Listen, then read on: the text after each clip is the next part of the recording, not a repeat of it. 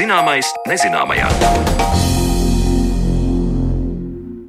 Esiet sveicināti raidījuma zināmais nezināmajā un Sandra Kropa kopā ar jums, lai turpmāko stundu parunātu par to, kā kosmētikas industrija mēģina mainīties un kļūt videi draudzīgāk. Sākot no izēvielām, beidzot ar produktu iepakojumu, skaistumkopšanas industrija pēdējās desmitgadēs piedzīvo ievērojams pārmaiņas.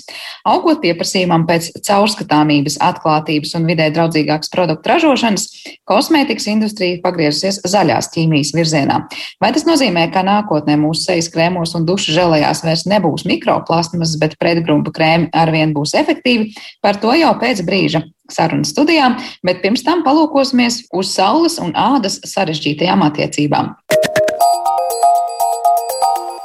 Saula varētu pielīdzināt medikamentam. Pareizās devās lietotas, tas rada vajadzīgo pozitīvo efektu, bet, ja ar to tiek pārdozēts, problēmas ādai rodas gan virspusēji, gan dziļākā šūnu līmenī. Kā tad gūt no saules visu to labāko un kā sevi laikus pasargāt no nevēlamām ietekmēm? Šos jautājumus tuvāk aplūkoja Mariona Baltkalne. Saule un saules gaisma tiek uzskatīta par veselības avotu, no kuras melties D vitamīnu. Taču tajā pašā laikā runājam arī par agresīvu sauli, kas rada apdegumus.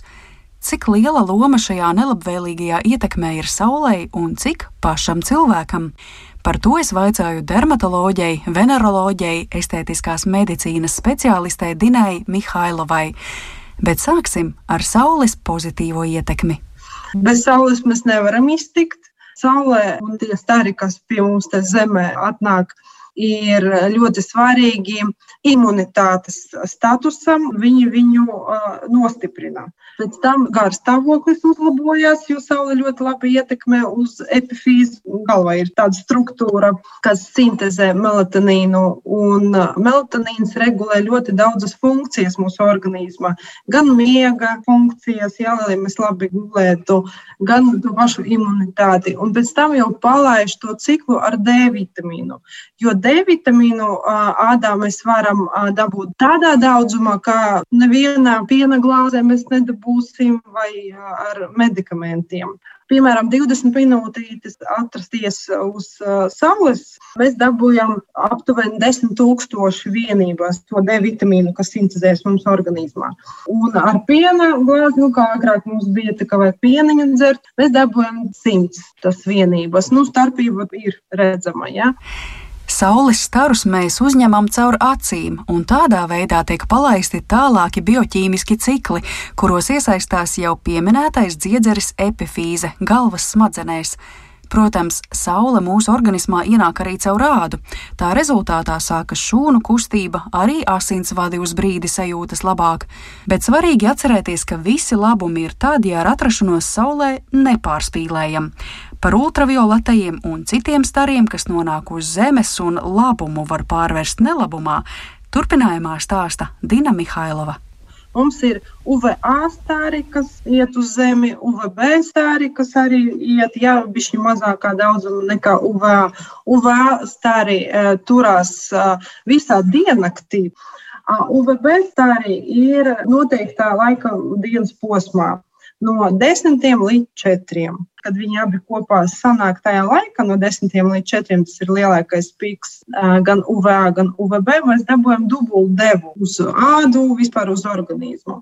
Mums nevajag aizmirst par infrasarkaniem stariem, kas arī no saules iet uz zemi. Un tieši bērniņi ir ļoti pakļauti tam kompleksam. Ja? Un, ja, piemēram, UVA stari un UVB stari ienāk kādi nu, 2,5 mm ādā, nu, kad izraisa kaut kādu ietekmi, un papildu vēl infrasarkanā tiesa arī ienāk, tad bērniņam viss tas aiziet vēl dziļāk, pat līdz skauliem, līdz orgāniem, un ļoti var uzsildīt to organismu. Un bērni biežāk apdeg, savus triecienu dabūja, un arī nevajadzētu pavisam mazos bērniņus ratiņos turēt vēl kaut kādu paklājiņu pa virsmu, viņam vispār par skābekļa pat nenāk. Tad nu pievēršamies saules negatīvajam efektam, kas bieži vien rodas tieši tāpēc, ka saulē esam bijuši pārāk ilgi. Pirmais, ko cilvēks var pamanīt, ka viņam uh, apsārtums uz ādas pēc savas ietekmes parādās. Ja? Ādas imūnsistēmā uh, parāda mums, ka iegāja ļoti daudz, ļoti strauji tie stari, un āda bišķiņ šokā ir, ka viņiem vajag to iekaisumu tā saucamo noņemt. Ja, nu, uz to vajag dažas dienas, kamēr tas apsvērtums noies, kamēr tie melancīti pasintēzēsies, kamēr kaut kāds tonis tur mēs dabūsim to ieteikumu. Otrs moments, kad mēs pēc sauļošanas pamanām, ka jaunie veidojumi rodās kaut kādi saules raibumi vai kaut kādi tādi pigmentu plankumi. Ja, tad arī mums āda signalizē, ka mm, nepatīk. Jo viss tas iedegums, pat, kas mums rodās, tas ir imūna aizsarga mehānisms. Jo, kad melancīti visi sakārtojas tā, kad mēs ar acīm redzam to brūnu ādu, ja, viņi mēģina nu, kaut cik ir iespējams atstarot tos starus, kas ienāk ādā, ja tādā daudzumā, lai kaut cik minimizēt to um, kancerogēno efektu, ko mēs varam sev dabūt ja, piemēram, tie melancīti nesintēzējas, cik mēs tur sauļojamies, bet mēs nevaram to iedegumu sev dabūt. Mēs tikai paliekam sarkani, vai mums galva reips, vai mums kaut kāda slikta duša uznāk un tā tālāk. Nu, tad nevajag vienkārši mocīt sevi zem saulītes un nedod Dievs solāriju. Ja? Jo tad mums ādē vispār nav gandrīz to mehānismu, kas var aizsargāt sevi un atstarot visus tos sliktos starus. Protams, vērtējot kaitīgo staru ietekmi, jāņem vērā arī cilvēka individuālā ģenētika, ādas tips un struktūra, cilvēka iespējamie sliktie ieradumi, piemēram, smēķēšana. Taču kopumā jāsaka, ka atrodoties saulē par aizsargkrēmiem nedrīkstētu aizmirst.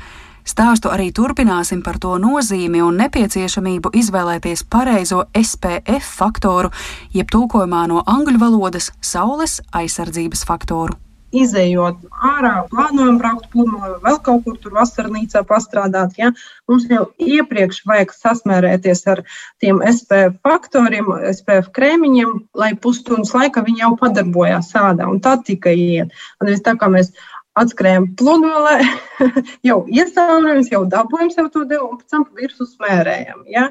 Nu, tas arī nedarbojas tā. Plus ļoti liela kļūda ir cilvēki, kas mērē SPF faktorus vai nepiemērota ādas tipam. Ja, jo gaišāk kāda tipa, jo stiprāki tie SPF faktori jābūt, jo paši pa sevi tādi brūnākie esam, tad varam 30, smērēt, jā, bet pārējiem tad visiem 50 bērniem noteikti 50 vajag. Tie krēmiņi tāpat laiž cauri to ultravioletu staru 25, 35%. Vienkārši tas netik strauji, netik ātri un netik traumējoši ienāk tie stari. Nu, kaut kāds bufers ir. Bērniem noteikti vajag pat pludmalē ir speciāls drēbes ar ultravioletu staru nu, kas palīdz arī atstarot, un plus vēl krēmi. Ja mēs, piemēram, peldamies vai kaut kādas ūdens procedūras un tā tālāk, tad mums vajag arī tos filtrus meklēt, kas ir ūdens uh, izturošie. Ja, viņi nebūs necaurlaidīgi, viņi tāpat laiž to ūdeni. Bet ar ūdeni nu, nenomazgājas tik strauji. Pat ūdeni var taču iedegumu vēl vairāk dabūt, jo uh, tie ultravioletas arī atstarojas no mūsu ādas, vēl no ūdeni ienāk. Un piesmērēt neaizmirst visas tās vielas ik pēc divām, trim stundām. Tas nenozīmē, ka mēs no rīta uzsmērējam vai izsmidzinājam tur uz sēs vai atvērtam ķermeņa daļām. Uh, un pēc tam staigājam visu dienu. Tā viņi, diemžēl, nedarbojas. Ik pēc divām, trim stundām vajag atkārtot to kārtu, ko bija iepriekš. Mm -hmm. Tad sanāk tā, ka te ir jāņem vērā ļoti daudz faktori, vai tas ir bērns vai pieaugušais, ir jāņem vērā to, cik gaiša ir āda, cik ilgi mēs plānojam saulē uzturēties, vai mēs plānojam peldēties. Ļoti daudz Jā. faktoru, kas noteiktu to, kādu krēmu mums izvēlēties, ar cik spēcīgiem šiem te cipariem. Faktoriem. Tur sanāk tā, ka uh, priekš mūsu klimata, jā, runājot, Baltijas klimatā, sanāk Tālāk minimāls ir 30. Sākot no mājām jau jālieto. Ja, un visi tagad ir moderni telefoni, mums viss tur, tur laika apstākļi rādās. Un uh, tur, uh, kad mēs to laika apstākļu skatāmies, tur ir uh, UFE indeks. Tā arī rakstās. Un, ja virs trīnieka viņš ir 4, 5, 6, visa saule ir kaitīga. Viņa tā, nu, tā ir stipri, tā kā vajag jau smērēt. Jā, 1, 2, 3 tie punkti ir UV stariem. Ja? Nu, var tikt 15, 30 tādā robežā ar tiem SPF faktoriem. Tas ir mūsu klimats. Ja, piemēram, mēs braucam Arabu Emirātos vai Turcijā vai vēl kaut kur tur, pat ielidot, viņiem pārdodas 70, 90 un 100 SPF. Ja, un, ja viņš tur pārdodas, labāk viņu nopirkt un labāk lietot viņu tos ciparus. Bet kāda nozīme un vai vispār ir tiem krēmiem, ko iesaka lietot pēc sauļošanās? Jo es tā jūtu, ka tomēr svarīgi to visu darīt pirms tam. Pirms ir ļoti svarīgi sagatavot, lai nebūtu tā stresa ādai, nebūtu šoku terapija. Pēc mums obligāti vajag dabūt šūnās mitrumu, jo saule āda paliek sausa, atrudiņota. Ja mēs ļoti ilgi atrodamies saulē, mums iet bojā kolagēns, bet pats galvenais, kas iet bojā, ir elastīns šķiedras. Elastīnu mēs dabūt atpakaļ nevaram. Un, ja piemēram 30, 35 gadi un ādas kvalitāte izskatās kā uz 50, nu, tas ir skumji, jo pazūd tas turgars, pazūd uh, tas veselais ādas izskats. Nu pat pieminēto procesu sauc par fotonovecošanos, kas pamanāma vizuāli, savukārt vizuāli nepamanāma vismaz sākumā. Varētu būt kaitīgo staru ietekme uz mūsu DNS. Tad mēs jau aizējām uz tiem sliktajiem stāstiem par melanomu, par plakanšūnu karcinomām un par visu kaut kādiem veidojumiem. Ja? Un to kontrolēt, un pēc tam kaut ko uzlabot ar krēmiem, ar kaut kādām injekcijām, tur vēl kaut kādām uh, vitamīniem, nu, diemžēl nav iespējams. Bet, ap citu, visi tie krēmi, nu, viņi jau pamatā aizsargā no tā UVA un UVB, bet, nu, vēl ir tie infrasarkanie stari vai ne? Un no, no tiem... infrasarkaniem mēs, mēs nekādīgi nevaram aizsargāties, jo tas ir, nu, kā siltums sajūta. Tāpēc mums vajag tur cepurīt nesāt, ja baiga saule iet, tad labāk ēnā aiziet, pasēdēt, nekādā gadījumā negulēt pludmalē zem tiem stāriem. Ja? Jo infrasarkanie viņi ļoti dziļi ienāk, 10-15 centimetri dziļumā, nu, caur ādu. Viņi uzsilda orgānus, asinsvadus un visas struktūras. Un, ja mēs pārāk vai aizmigam pludmalē, ja, tad sanāk, mēs varam dabūt to savu triecienu. Mūsu sarunas laikā UV indeks rāda ciparu divi. Tātad viss ir mēreni, bet dermatoloģi stāsta, ka Latvijā novērots arī indeks 8 un 9.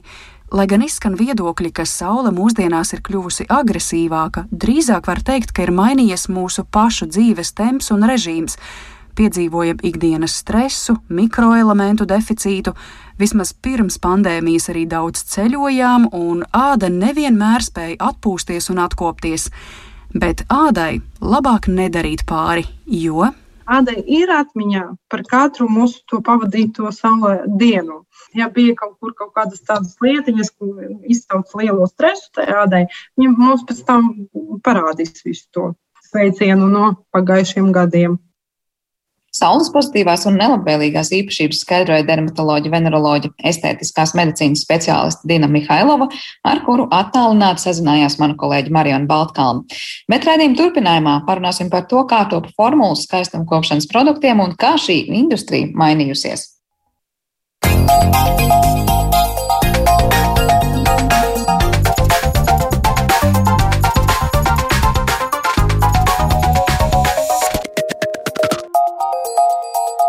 Zināmais nezināmajā. Pieaugot zināšanām par cilvēku ietekmi uz vidi un pašu veselību, pieaudzis arī patērētāju pieprasījums pēc produktiem, kuri rada mazākus veselības riskus un vienlaikus arī mazāku slodzi videi. Uz šo pieprasījumu rēķē arī skaistumkopšanas nozare, kura savulaik ir intensīvi izmantojusi naftas produktus un radījusi dažādus videi nedraudzīgus savienojumus. Kā tad šī nozara mainās, un par to šodien mēs plašāk runāsim mūsu attālinātajā studijā, kuru sarunu esam aicinājuši L'Oreal Baltika zinātnisko projektu vadītāju Ilza Dimanta un uzņēmuma Madara kosmetikas padomus priekšsēdētāja, kā arī Latvijas Universitātes pētniece Annu Ramata Stundu. Labdien jums abām! Sveiki! Vispirms par to. Cik daudz skaistuma kopšanas nozaru, ja tā var teikt, ir vidēji nedraudzīga? Vai mēs runājam vairāk par to, ka ir diezgan liels produktu klāsts, kurā mēs runājam par kaut kādiem naftas produktiem un to izmantošanu, vai mēs runājam par kaut kādām dažādu veidu citām piesārņojošām vielām un kaut kādu mikroplastmasu, ko radām apkārtējai videi, vai vispār lielu resursu patēriņu un daudz, daudz ko citu. Kurus aspektus jūs varbūt minētu, kā nu, tos, par kuriem būtu īpaši jādomā un kur varbūt arī šajā nozarē nu, tiek domāts? Kur varbūt mēs saskaramies ar tādai vidē nedraudzīgāku rīcību.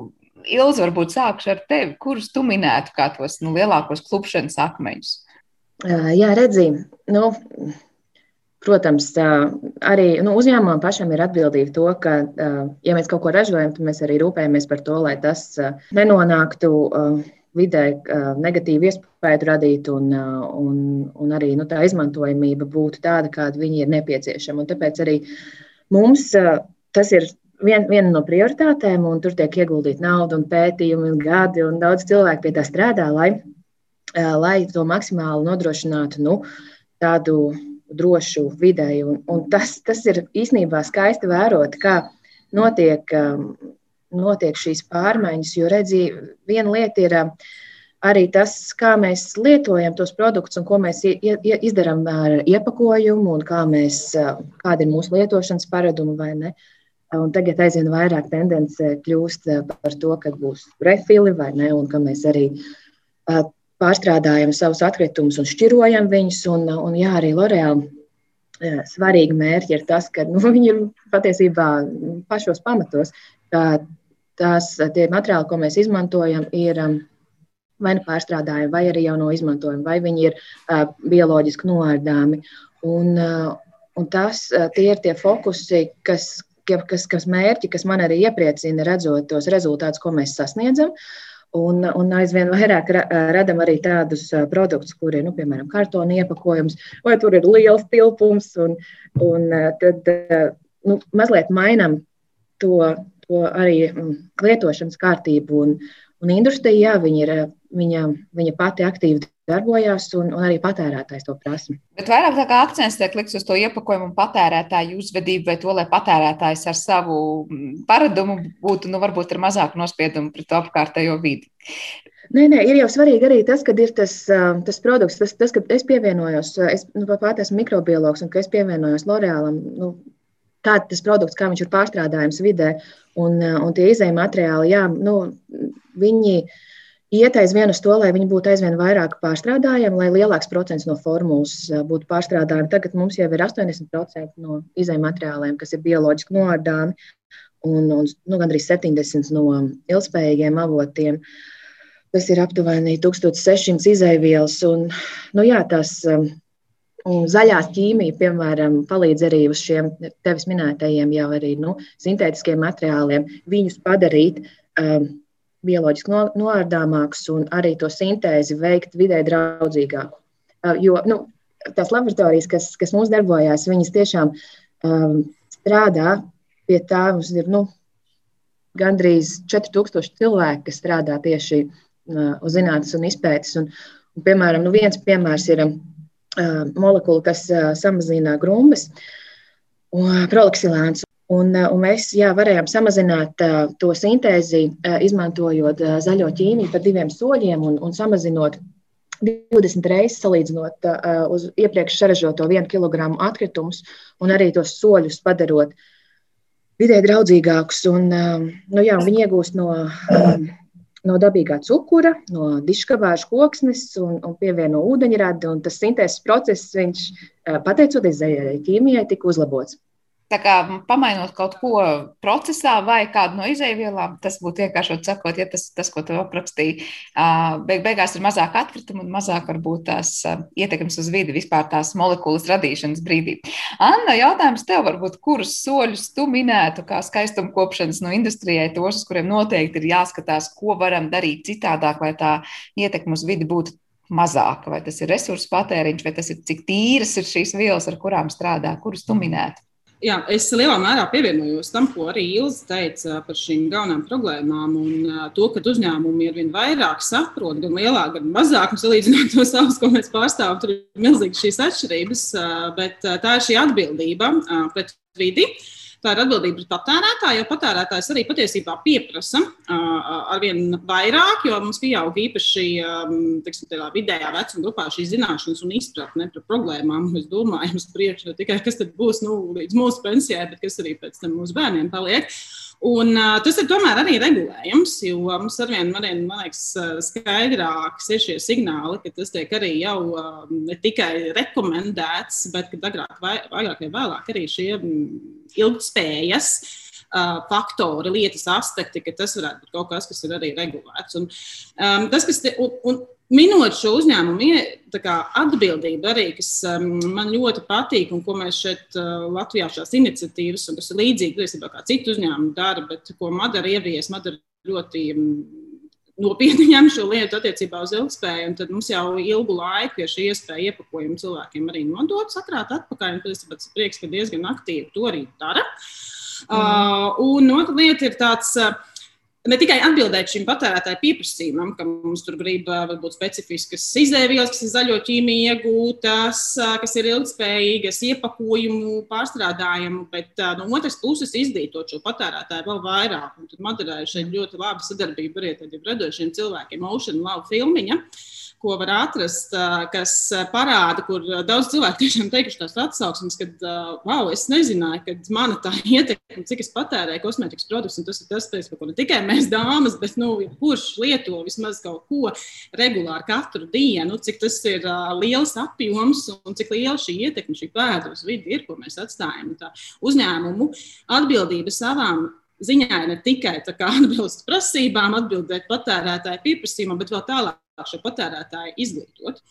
Un, um, Un, uh, un, un, un adresēt arī tās problēmas, atbildēt šīm problēmām, to arī atbildot uz Santas jautājumu, ko mēs varam darīt. Uh, tur Ilzi jau minēja pētniecību, un tā atbilde ir pētniecība. Un to es ļoti labi redzu, gan skatoties no tādas tās industrijas viedokļa, no ražotāja kosmētikas viedokļa, gan arī šeit universitātē no pētniecības viedokļa, kad mums tiešām pētniecība ir tas rīks ar ko meklēt tās atbildes un kā to visu padarīt um, draudzīgāku, ilgspējīgāku. Nu, kā, piemēram, um, attiecībā uz smalku filtriem arī um, šīs problēmas, kad mums ir piemēram, koraļu rifi, kas izzūd. Tur viens no šiem faktoriem, kas zinātnīs pierādīts, ir tas, ka šie organiskie filtri to, to, to ietekmē viņi nokļūst, kur cilvēki viņus smērē, viņus smērē pludmalēs, iet pēc tam peldēties, un tas viss nonāk, nu, diemžēl, tur, kur tā daba nav iemācījusies ar to tikt galā.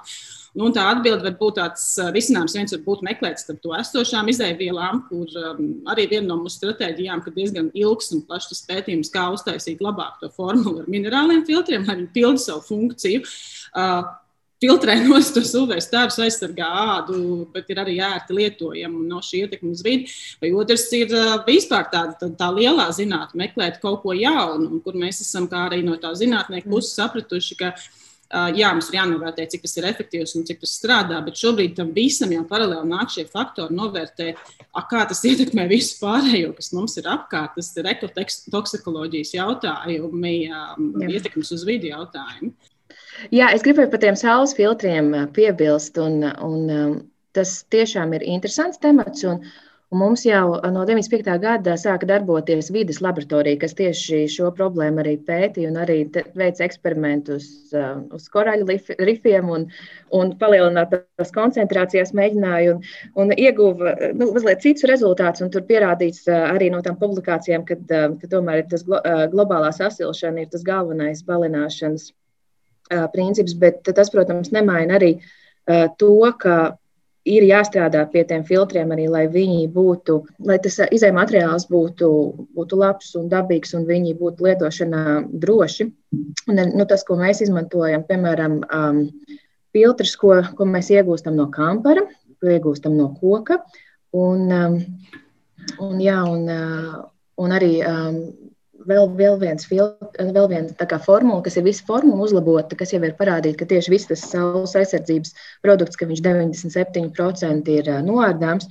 Un, nu, šīm gan ir nepieciešami gadi, lai pētītu, kā var uzlabot tos saules aizsardzības produktus, un, un liels komandas pie tā strādā. Bet, bet, bet jā, es pati esmu bijusi laboratorijā, kur pēta arī planktonu un, un tieši, tieši ar šiem filtriem. Tā, ka, nu, Un, un, jā, un atgriežoties par tiem produktu nodošanas principiem, man liekas, tas nu gan mums ir svarīgi, bišķiņu vēl vairāk iemācīties Latvijā un arī pavakstīt, kā tas notiek tālāk un kā, kā aiziet uz pārstrādi. Jo mēs kā ražotājs, mēs, nu, saražojam šo plasmasu, vai ne, kas arī, piemēram, ir pārstrādājumi, bet vai viņi tiešām nu, tiek nodot un pārstrādāti, tad, tad izsakošana. Tagad uh, esam aktualizējuši uh, arī to, ka var nodot un, uh, un skatāmies, kā pārstrādā. Piemēram, Igaunijā mēs jau patiešām nododam uzņēmumam, kurš pārstrādā šo plasmasu un izveido uh, nu, dārzkopības uh, tādas tvētnītes. No tieši nu, no mūsu produktiem. Tad var redzēt, cik tur tonas ir nodotas, ko cilvēki ir nodevuši un cik ir rekur gatavs rezultāts. Bet tā caurspīdība, man liekas, varētu, caurspīdība varētu būt vēl lielāka tieši arī, nu, kas ir katrā valstī individuāli, kas notiek ar atkritumiem un kā viņus, kā viņus pārstrādā. Un, protams, mūsu atbildība arī viņus šķirot vienmēr sakot, tad ieraudzīt, kur nonāk visas tās krēmu vai citu tūbiņas, ko no, nesam atpakaļ nodot it kā produktu piegādātājiem vai ražotājiem šī gadījumā, bet uh, skatīties, jā, kā tas viss rod pielietojumu kur citur. Bet man jautājums, tas, ko Anna teica par to ekotoksikoloģiju un daudziem citiem testiem, ko veids un par ko daudz domā, Cik sena vai nesena pagātne tā ir, kad skaistumkopšanas industrija varbūt vairāk sāka par to domāt? Jūs varat minēt abas kaut kādus atskaites punktus, vai tas ir pēdējās desmit gadus, vai tie ir pēdējie gadi, kad ir kaut kāds lēciens noticis, vai tas ir maldīgs uzskats? Nu, 20 gadi darbojās tā laboratorija, kas tieši ar, ar vidi darbojās. Pēdējā laikā, jā, tas ir vēl vairāk tā kā. Mm, pastiprinājies. Tev, tev ir taisnība, nu, pēdējie, pēdējie desmit gadi, ka tas ir palicis vēl svarīgāk, vēl būtiskāk, bet es domāju, tas ir arī globālā aspektā. Pēdējos, nu, es teiktu, 11 gados, no nu, tā kā 2000, nu, nezinu, kaut kāds. Nu, 2000 līdz 2010. sākās tā, tā kā sniega bumba vēlties, un tagad viņi vēl ir vairāk. Ja pirms tam, man liekas, vairāk ja komunicēja kosmētiku, komunicēja produktu kā gatavu. Jā. Šobrīd ļoti liels uzsvers uz to, ka komunicē izēvielas. Kad ļoti daudz, kur mēs redzam, ka nu, tur tipiskais var būt, ka tur mums ir vitamīni, ka tur mums ir antioksidanti un jau pat līdz specifiskām molekulām. Tas patērētājs lielā mērā, pat ja viņam ir kaut kādas specifiskas prasības, viņš zinās, kas ir escīns, piemēram, vai neko, varbūt nu, cits kā sadzirdot. Nē, un ir zinājis, zinu un izpētu, kas tas ir un meklē kaut kādas konkrētas izēvielas. Un, uh, Un, un vēl viens aspekts par to, kāpēc testē un tā novērtēšana un, un, un, un, un tas, um, tā, tās zinātnes ienākšana kosmētikas nozarē ir attiecībā īpaši Eiropas Savienībā saistībā ar testēšanas uz dzīvniekiem aizliegumu kas varbūt tādā tiešā, ļoti tiešā veidā neietekmēja formulu izstrādi, varbūt tos uzreiz patēriņa Un tas, ko cilvēki lieto, tos paradumus. Bet um, tas ļoti skaļi izskanēja. Uh, tas uh, kaut kā atbildēja arī uz lielas patērētāju grupas pieprasījumu, kad um, tiešām netiek izmantot šie eksperimentālie dzīvnieki kosmētikas testēšanā. Un tas ļoti pavirzīja uz priekšu, jo tur radās ļoti daudz laboratorijas, gan institūti, gan privātas laboratorijas, kas izstrādāja šīs alternatīvās testēšanas metodes. Un kas atšķirībā no testiem, kas pirms tam bija dzīv, nu, dzīvniekos, eksperimentālos, um, kas ir nu, labi, izmaksu ziņā viņas patiesībā ir līdzvērtīgi, bet viņas ir grūti atkārtot, viņi ir ilgāki. Šobrīd tajās audu kultūrās viņi ir standartizētāki.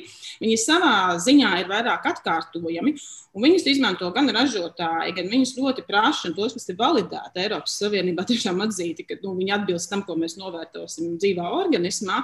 Viņi ļoti plaši tiek izmantot un ļoti daudz izēvielas. Tev uzreiz jāsaka, ka nevis tikai teiksim, um, sinte, organiskās sintēzes ceļā iegūtas, uh, bet arī dabīgas izcelsmes izcelsmes izēvielas, viņas ļoti daudz tiek pārvērtētas. Eiropas Savienība pati tā kā viņa pārvērtē. Mums ir, mums jau arī ir augu, augu sastāvā. Mums, mums, ir, mums ir gan labas, gan sliktas lietas abās pusēs. Un tas ļoti liels Jā. uzsvars ir tieši uz dažādiem šiem drošības aspektiem. Tas ir gan attiecībā uz cilvēku veselību, gan, protams, arvien vairāk arī uz, uz šo vidas veselību, uz ietekmi uz vidi.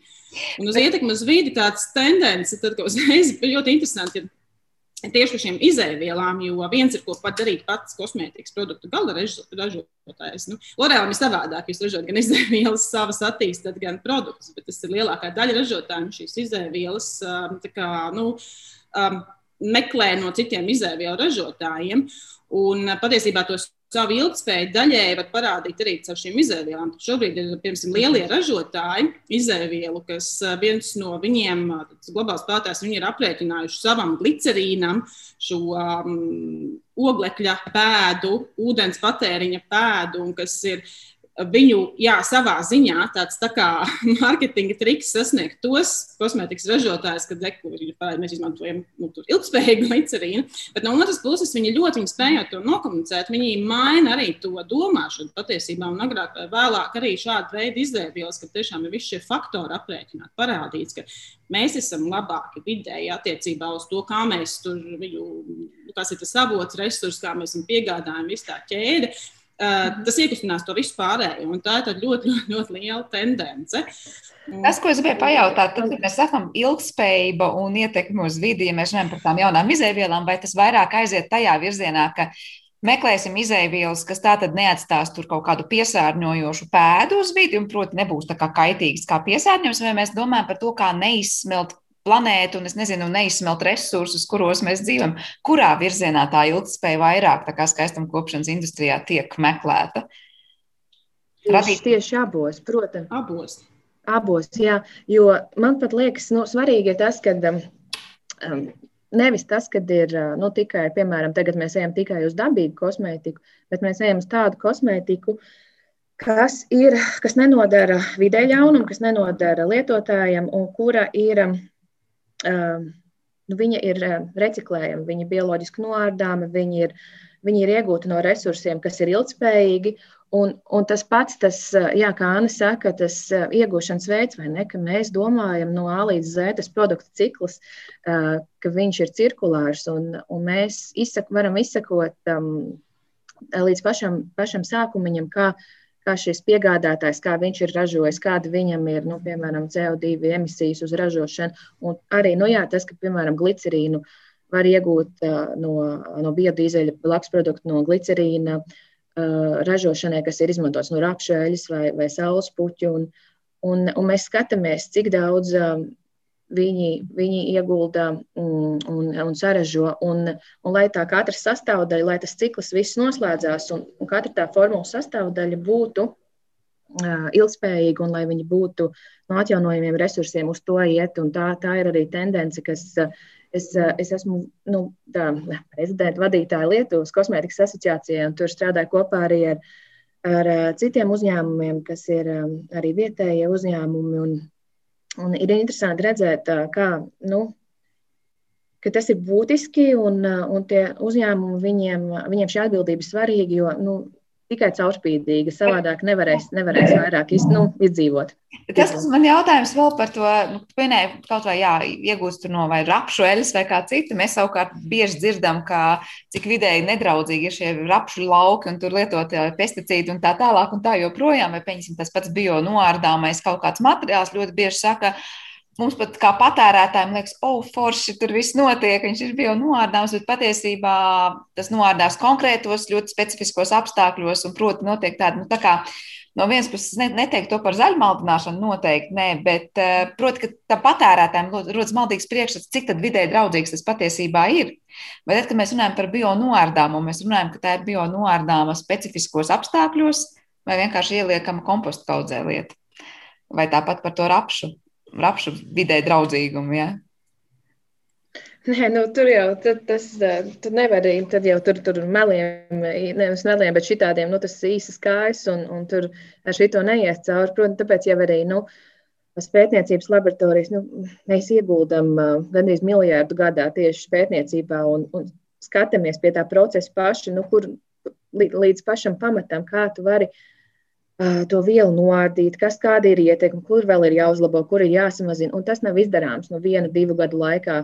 Tur ir jāstrādā pie visas tās koncepcijas. Un, Bet tas rezultāts ir tāds, ka tā ir tā noārdāmā, nu, ļoti specifiskos apstākļos noārdāmā viela, vai mēs runājam par kaut ko noārdāmu tiešām, nu, nu diezgan viegli noārdām, ja. Kompostējam, jā, jā. Nu, Tas ļoti atkarīgs, bet, protams, tā tendence ir tā, ka uh, iet uz to, ka pēc iespējas vieglāk viņas noārdāmas uh, ir un, un, uh, un lai, lai viņas aizvien, nu, aizvien um, dabīgākas izcelsmes un arī, kur ir sintētiskie materiāli, viņas ir, viņas ir dabīgāk noardāms. Tāpēc, tāpēc mums ir labs palīgs tā zaļā ķīmija, kur ir iekļauts biotehnoloģijas un, un, un arī nu, uzlabot šie, šie sintēzes procesi, kas, kas palīdzēs to gala vielu, to molekulu, lai viņai nav šī eksotoksicitāte. Hm? Anna, tu gribēji papiebilst? Nē, man, um, man aizķēra Ilzas teiktais termiņš par um, cirkulāro kosmētiku vai aprits kosmētiku, kas uh, patiesībā, jā, to es Sandra gribēju teikt, ka tas, manuprāt, uh, ja skatās tādus tā kā um, tendenču aprakstus, tirgus pētījums, tas ir arī viens no virzieniem, kas, kas ļoti, ļoti, ļoti attīstās. Un, Un te arī ir forši teikt, ka Latvijā patiesībā arī nav tā, ka mēs gaidām tās lielās tendences, ka kāds kaut ko izdarīs un paskatīties, kas tur sanāk. Mums arī, piemēram, alternatīva plāns mums ir um, projekts, RF projekts, kur arī mēs ar šiem biorafinēšanas paņēmieniem mēs no tās augu masas, no kā kaut kas ir jau izekstraģēts, un tur paliek īstenībā ļoti daudz kas pāri. Mēs skatāmies, kā vēl var ar citām ekstrakcijas metodēm dabūt vēl maksimumu. Un, uh, un tas ir tiešām tāds efekts, ļoti nu, meklēt veidus, kā mēs varam būt draudzīgāki. Uh, ilgspējīgāk arī izmantojot maksimāli kaut ko visu, jo ļoti daudz kas ir, uh, skatoties uz industrijām, kas ir apkārt kosmētikai, nevis kosmētikā, kur mēs patiesībā to visu uh, Eh, kas mums ir resursi, mēs viņu neizmantojam uh, maksimāli. Kaut gan mums ir tie veidi, tad mēs mēģinām tos kubiņus likt kopā, gan tās ekstrakcijas tehnoloģijas, gan to atlieku produktus, kas radās kaut kur citur, lai tiešām dabūtu maksimumu. Skandināvijā arī ir um, zinātniskām institūcijām šie pētījumi, piemēram, no dažādiem pārtikas ražošanas atliekvielām, kas ir pēc sulām šīs izspiedas. Tas tā pati kafija, kad ar specifiskām šīm ekstrakcijas metodēm, to pašu resveratrolu vai citus antioksidantus, mēs varam dabūt ļoti, ļoti labās koncentrācijās. Viņi patiesībā ir izmantojami, viņi ir uh, drošas izcelsmes, tas, tas ir pārtiks pārstrādes procesā. Uh, Un kas lielā mērā daudz, kur šīs attīstoties arī ar tehnoloģijām, kā mēs pārstrādājam, tas kļūst tas diezgan pieejams. Tas nav uzreiz, mēs nedomājam, ja tā ir jauna tehnoloģija, tas ir kaut kas uber, uber dārgs un ekskluzīvs. Šis noteikti ir trends, trends vai tendence, latviešu sakot, šī, šī cirkulārā kosmētika, šī cirkulārā aprits principi ienāk arī šajā nozarē. Bet tas, ko tu pieminēji par alternatīvu plānu, tad varbūt klausītāji, kas nevis laiku seko līdzi, varbūt nezinu, tas ir savs otrs pārstāvētais, var teikt, darba lauciņš. Eh, mēs runājam par to, ka arī ir iespējams, var teikt, neaudzēt kliņģerītes varbūt hektāros, bet laboratorijas apstākļos dabūt ārā nu, to, ko mums no tām kliņģerītēm vajag, kas būtu vajadzīgs vai ne konkrētai eh, kaut kādu produktu radīšanai. Un te mēs runājam par to, ka ļoti gudrā veidā iespējams jau šobrīd aizstāt hektārus ar, var teikt, augiem nezinu, Petrī platīties vai mēģinājis, vai kā citādāk to ir jāsaka. Cik lielā mērā tas ir tāda nu, liela lieta, kas notiek industrijā masveidā, vai tā ir tāda nišas produkta, kas tādā veidā strādā? Um. Es teiktu, pagaidām nišas, uh, un es viņas klasifицētu kā vispār tādas biotehnoloģiskas izēvielas, bet tas ir arī um, tas lietas, kas sāk attīstīties, jo arvien vairāk tas ir uh, gan izmantot augšūnu kultūras, gan mikroorganismu kultūras, viņas kļūst arvien populārāk, jo tā mana pārliecība vienmēr ir bijusi, uh, ka patiesībā mums visā dzīvajā dabā mums ģenētiskais kods ir unikāls, un mēs eh, varam patiesībā to bioloģiju izmantot savā labā, lai mēs efektīvi. Ne, mēs, neizmantojam, mēs patiesībā šobrīd izmantojam kaut kādu 10% no tās bioloģijas, ko, ko viņi mums spēja iedot. Mēs varam to visu izmantot, attīstīt tās tehnoloģijas, zināšanas efektīvāk, lai ražotu efektīvi. Jo, ja tam augam ir spēja ražot 0,001% kaut kādu antioksidantu, tad patiesībā atrodot tos apstākļus, kā šīs šūnas mēs varam kultivēt pareizā gaismā, pie pareizām cukuru koncentrācijām, mēs varam panākt, ka viņš ir desmit reizes vairāk šajās šūnās, un mums nav līdz pats augsts jākultivē.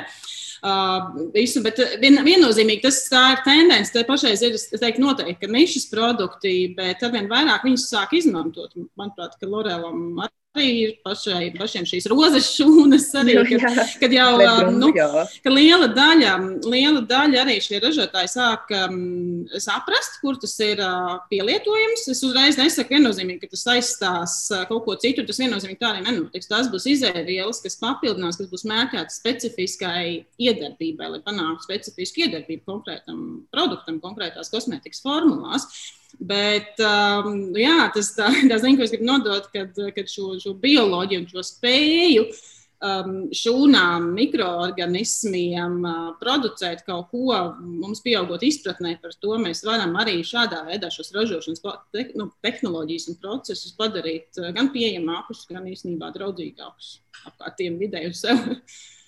Paldies, jā, Ilzi, neko piebilst?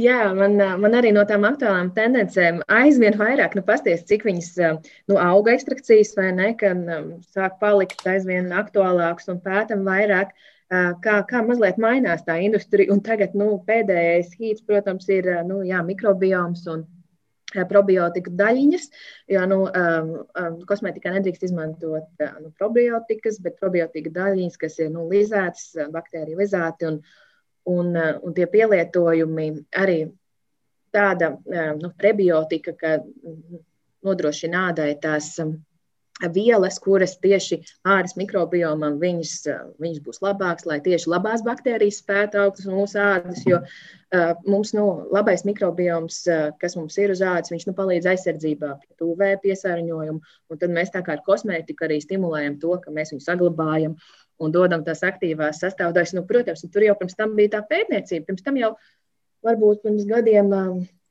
30, um, 40 tik ļoti mēs nepētījām, hei, nu, rekur, kā, kā tur tieši ādas baktērijas, uh, kā, kā viņas jūtās un ko viņām vajag. Un ka tam tomēr ir ietekme arī to, kā mūsu, uh, kā mūsu āda jūtās. Un aizvien labāk rezultāti tiek iegūti un, un arī mm, tam, um, um, nu jā, produktiem, kas ir tagad jau pieejami tirgu, ir tiešām interesanti vērot, ka sākam izmantot aizvien vairāk šīs biotehnoloģijas. Un, un kā Anna teica, jā, tas neaizņem laukus, tas ne, ne, nu, nav.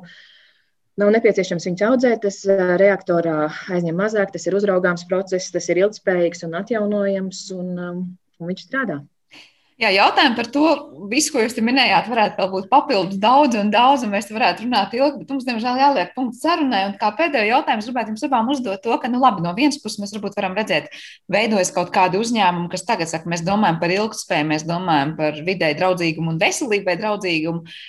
Bet kā ir ar tiem, kas, piemēram, ir kaut kādi jau ar lielu senu vēsturi uzņēmumu, cik ātri un viegli ir pārorientēties uz visām šīm lietām, par kurām jūs šodien runājāt? Nu, lai mēs kļūtu ilgspējīgāki, kļūtu vidē draudzīgāki. Vai tas notiek ātri, vai tas ir tāds liels kuģis, ko ir grūti izkustināt skaistumkopšanas nozarē? Nu, nav variantu, ir jāmainās. Un, un, ja ir cilvēki, kas to var izdarīt, un ja ir iespējas, un ja ir nu, tas finansējums, tas nav neizdarāms, ir īpaši tā ir prioritāte.